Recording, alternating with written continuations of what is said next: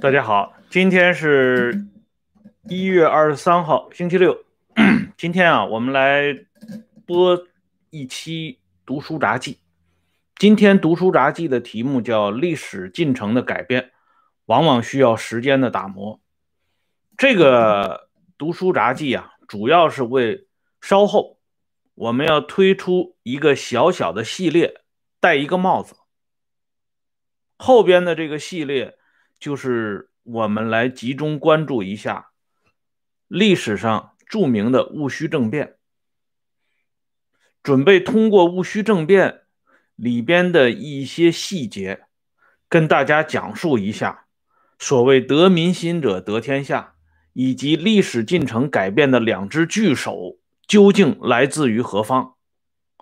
所以今天首先先给大家介绍一个简单的。常识性的问题，就是我这个题目里边所讲的。啊，一般来说，大家听的最多的就是“得民心者得天下，失民心者失天下”，这个是中国古往今来经常被念叨的一句话。但是这句话要具体问题具体分析。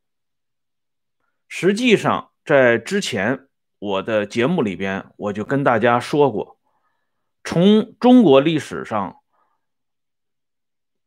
这些历史进程，特别是在历史转折关头的很多改变，恰恰不是真正意义上的民心，而往往来自于两只巨手，一只巨手是来自于上层豪门，另一只巨手来自于江湖流氓。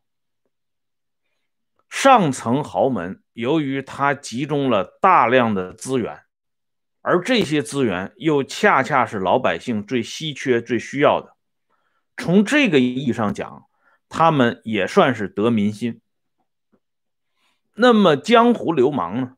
由于他游走民间，对老百姓的千姿百态抓得最为准确，他最能够喊出或者是。极大的调动老百姓的积极性。所谓“口吐莲花，心如蛇蝎”，指的就是这些人。因此啊，我们看中国历史上政权变更，包括那些大大小小的政变，总体上讲都是以下犯上。而由于这些政变，由于这些。大大小小的变动，改变了中国历史的进程。而这些啊变动当中，集中出现的两个身影，就是我刚才提到的上层豪门和江湖流氓。那么具体说起来，我们举几个例子给大家看一下，为什么讲历史进程的改变往往需要时间的打磨。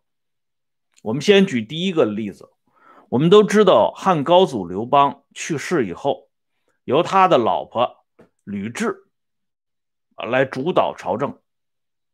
这个吕后大权独揽，而那个时候刘邦很多开国功臣还都活着。然而以陈平为代表的这些人，对于吕后主持朝政这件事情，始终是处于。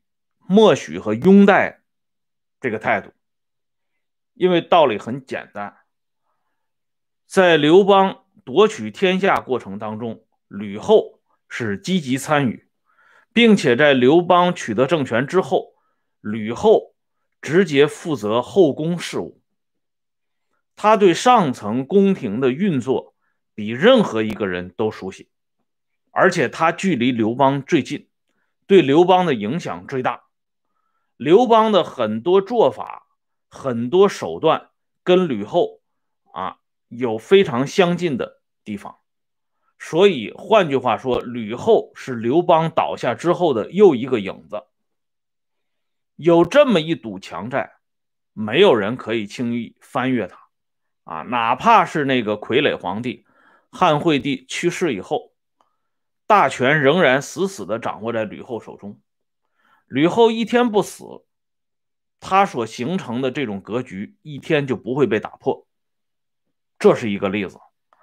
还有一个例子就是说到司马懿，前几年播了一个电视连续剧，就是《大军师》，大家通过那个胡编乱造的电视剧里边，也可以看到啊，司马懿当年处心积虑夺取政权的痕迹。只不过那部剧编的比较烂。历史上的司马懿长期潜伏，等待时机。如果没有曹芳出城，没有曹爽的疏阔，司马懿轻易不会动手的。即便是曹爽把司马懿放到咸朝冷板凳上边，司马懿也整整等待了十年。所以我们就讲，他需要时间的打磨。这种以下犯上的宫廷政变，如果没有充足的准备，没有长期的打算和盘算，一旦轻举妄动，那可能就是毁家灭门。哎，那么我们再举一个我们即将要展开的这个小主题，就是。慈禧太后的事情，慈禧太后主掌中国政权长达四十八年之久，将近半个世纪。这个人，他从底层上来，上来以后呢，他玩弄的这套手法非常厉害。这个人啊。他在整个的执政期间 玩的三套把戏：大动荡、大分化、大改组。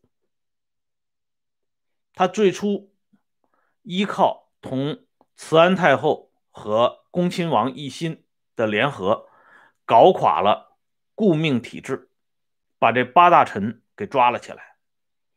这个时候。他在外廷倚仗的是恭亲王奕欣，可是他扶植的是军机大臣里边最末尾的一个常委，叫曹玉英。这个人在军机处是那拉氏的潜伏人员啊，就是余则成这样的人物。那么等到把奕欣搞掉之后。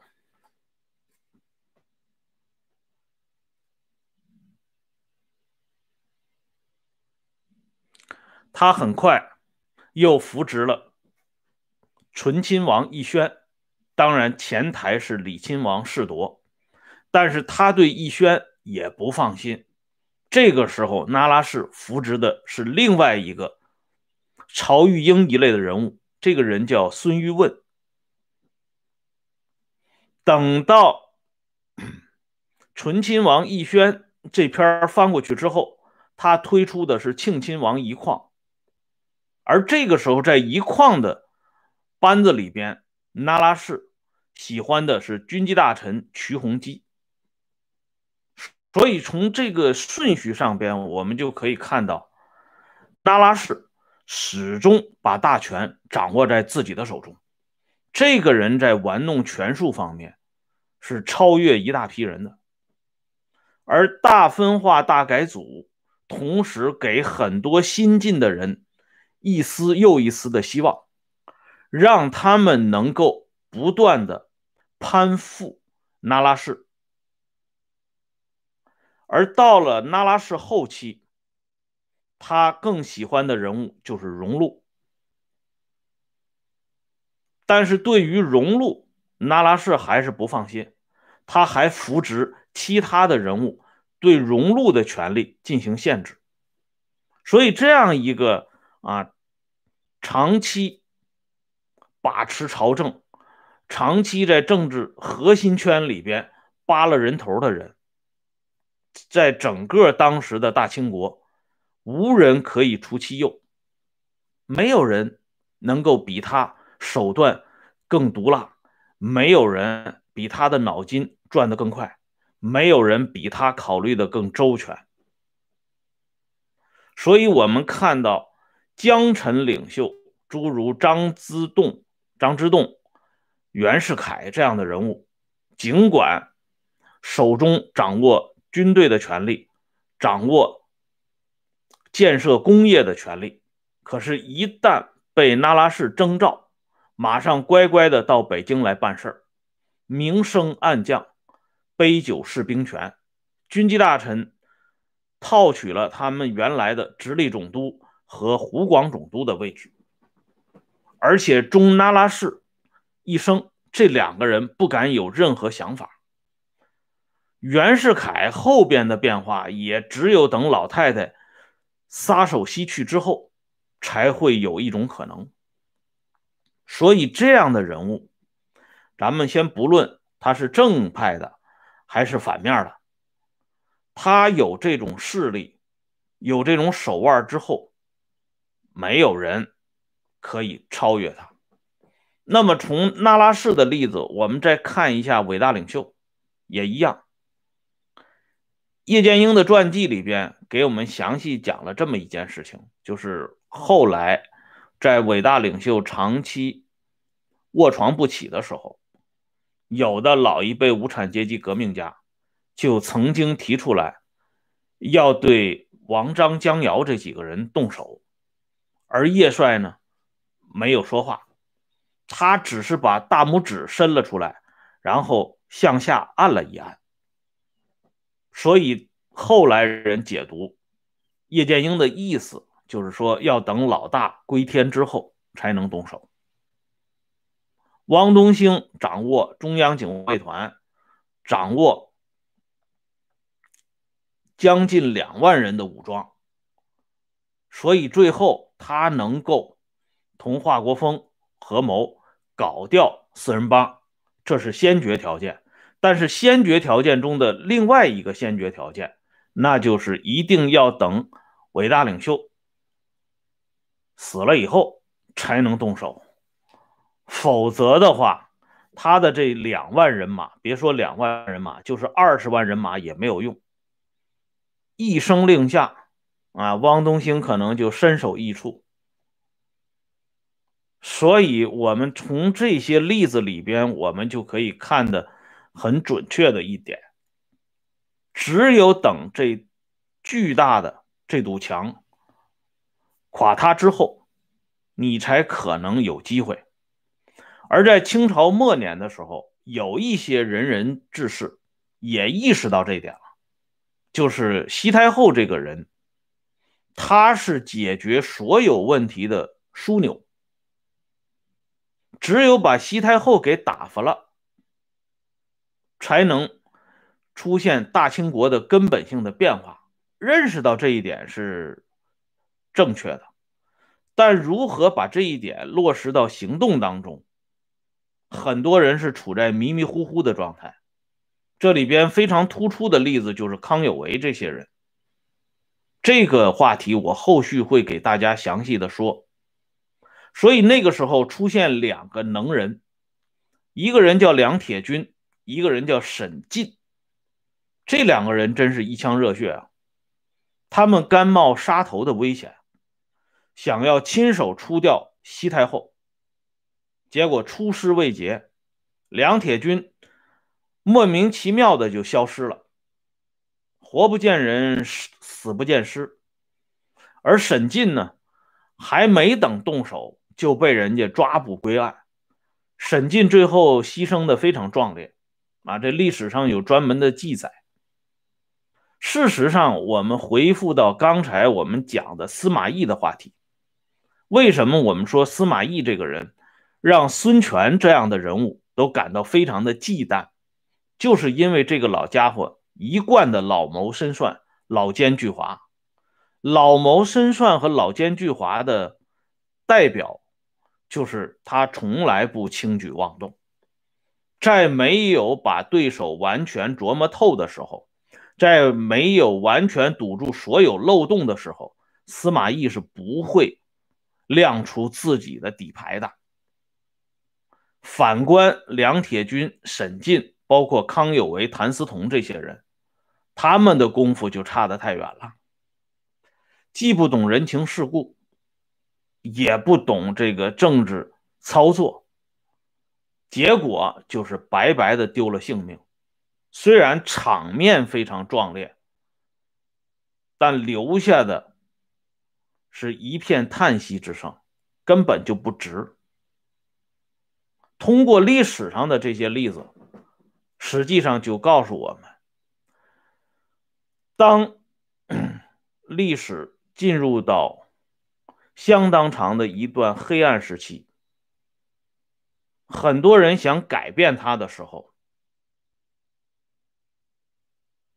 需要有一个成熟的时机，而这个成熟的时机往往是需要等待的，是需要时间来打磨的。这一点啊是常识，也是规律。好了，今天呢这个话题我们就说到这里，感谢朋友们上来收看。一会儿呢咱们还聊一下党史杂谈，今天继续聊一下。伟大领袖和朱德的关系啊，欢迎大使大家呢届时收看。